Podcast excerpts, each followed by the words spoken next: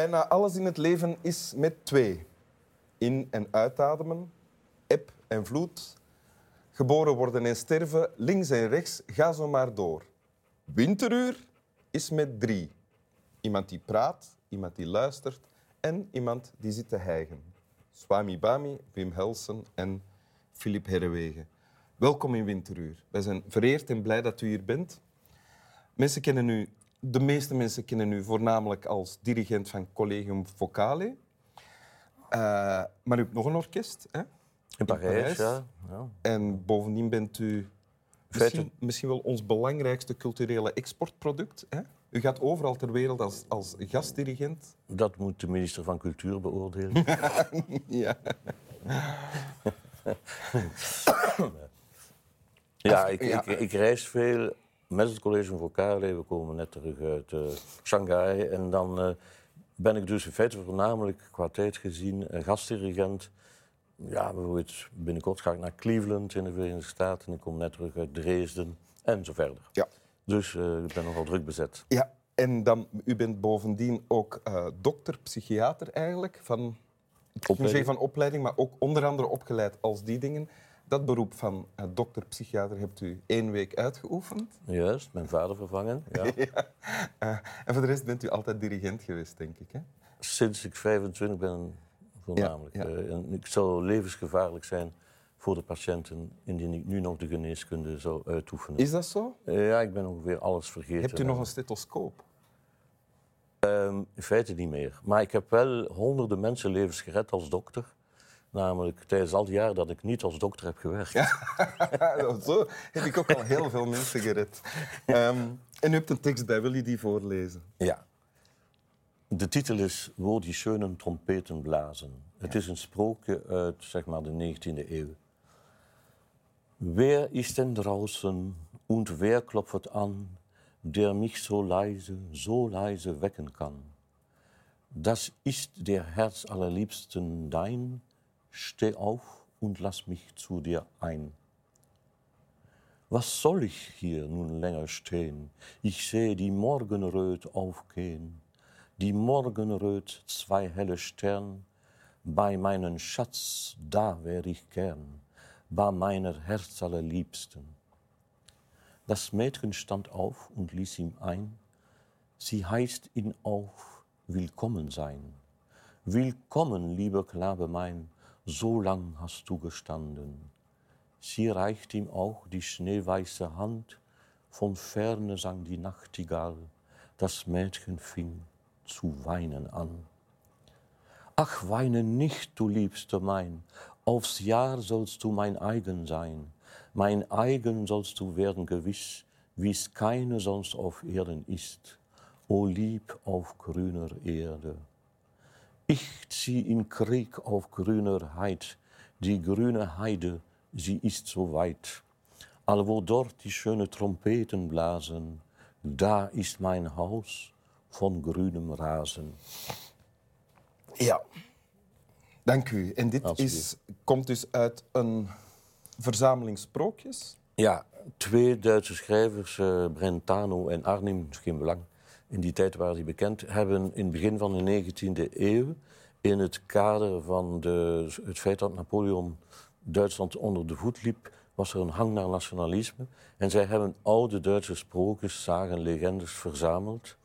eh, en daar een bundel van gemaakt Zoals in drie delen. Een ook sprookjesbundel, ja. zoals Grimm. Eh, en dat noemde de Knaben Wunderhorn. Dat stond in elke huiskamer. Ja. Eh, zoals Faust, Goethe. Eh, iedereen kende dat van Ja. buiten, zoals nu eh, Potter. Eh, Potter. ja.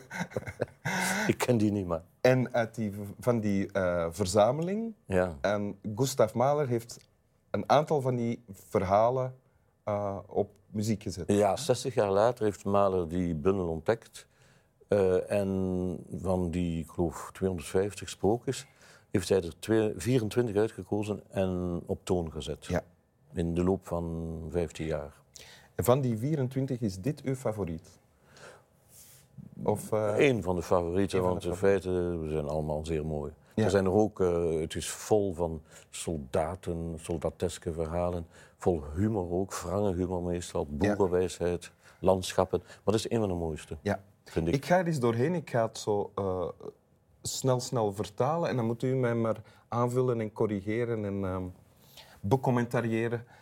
Dus eh, wie is daar buiten en klopt aan die mij zo laat wakker maakte? Iemand is aan het woord, een, een vrouw. Hè, eh, Ja. De vrouw van het verhaal die vraagt wie klopt daar aan mijn deurtje?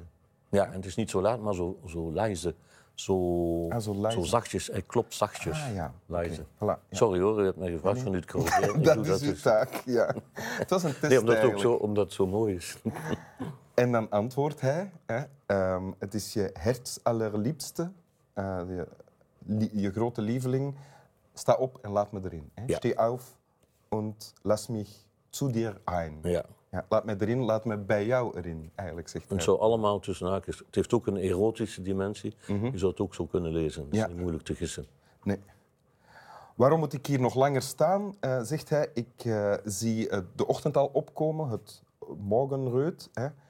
Ehm, en ik zie ook nog twee sterren en ik wil bij mijn schat zijn.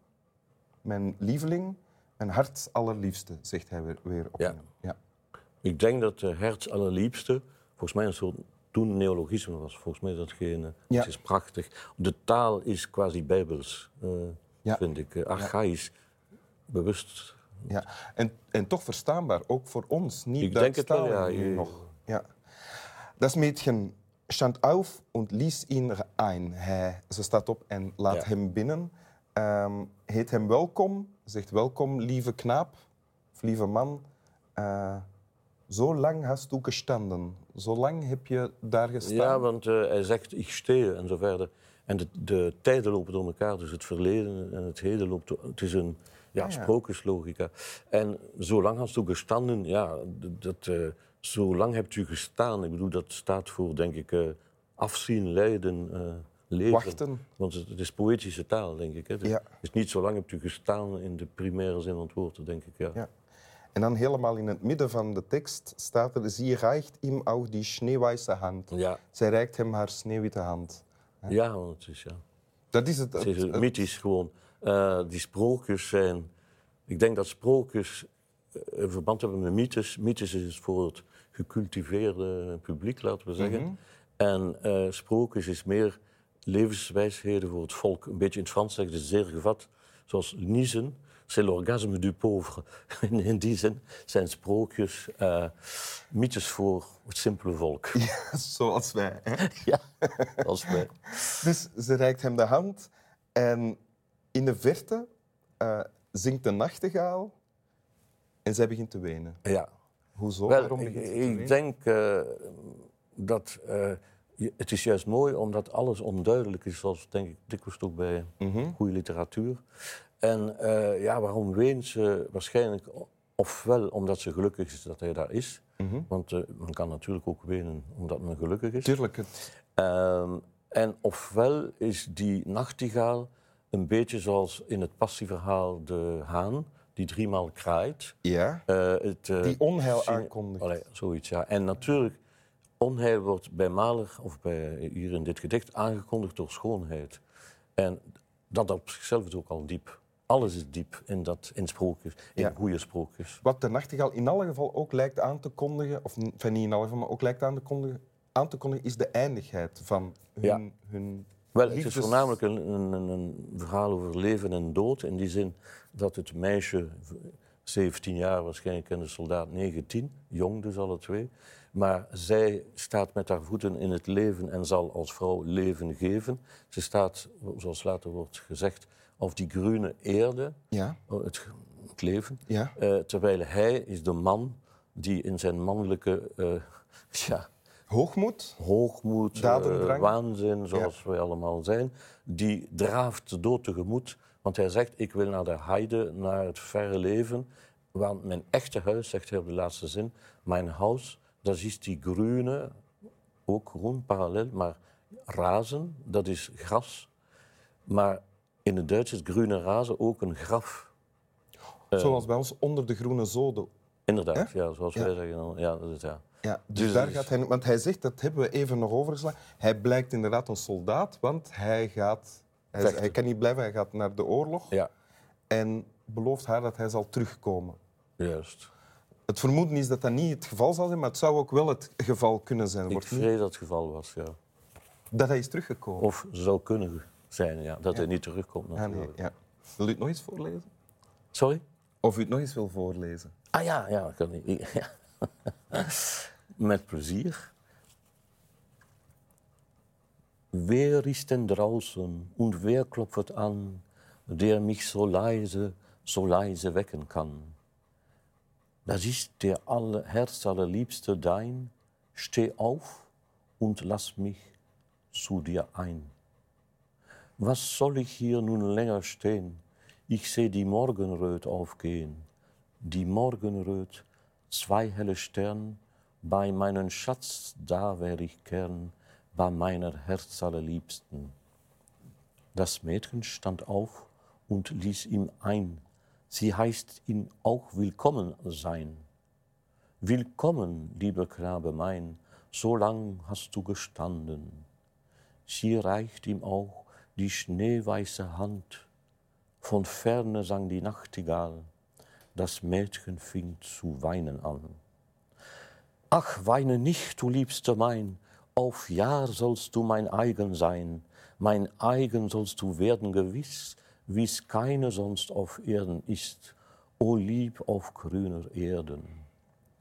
Ich zieh in Krieg auf grüner Heid, die grüne Heide, die ist so weit, allwo die schöne Trompeten blasen, da ist mein Haus von grünen Rasen. Dank u. Ja. Ja, eh, Ik heb iets sneller gelezen. slap wel. Dank u.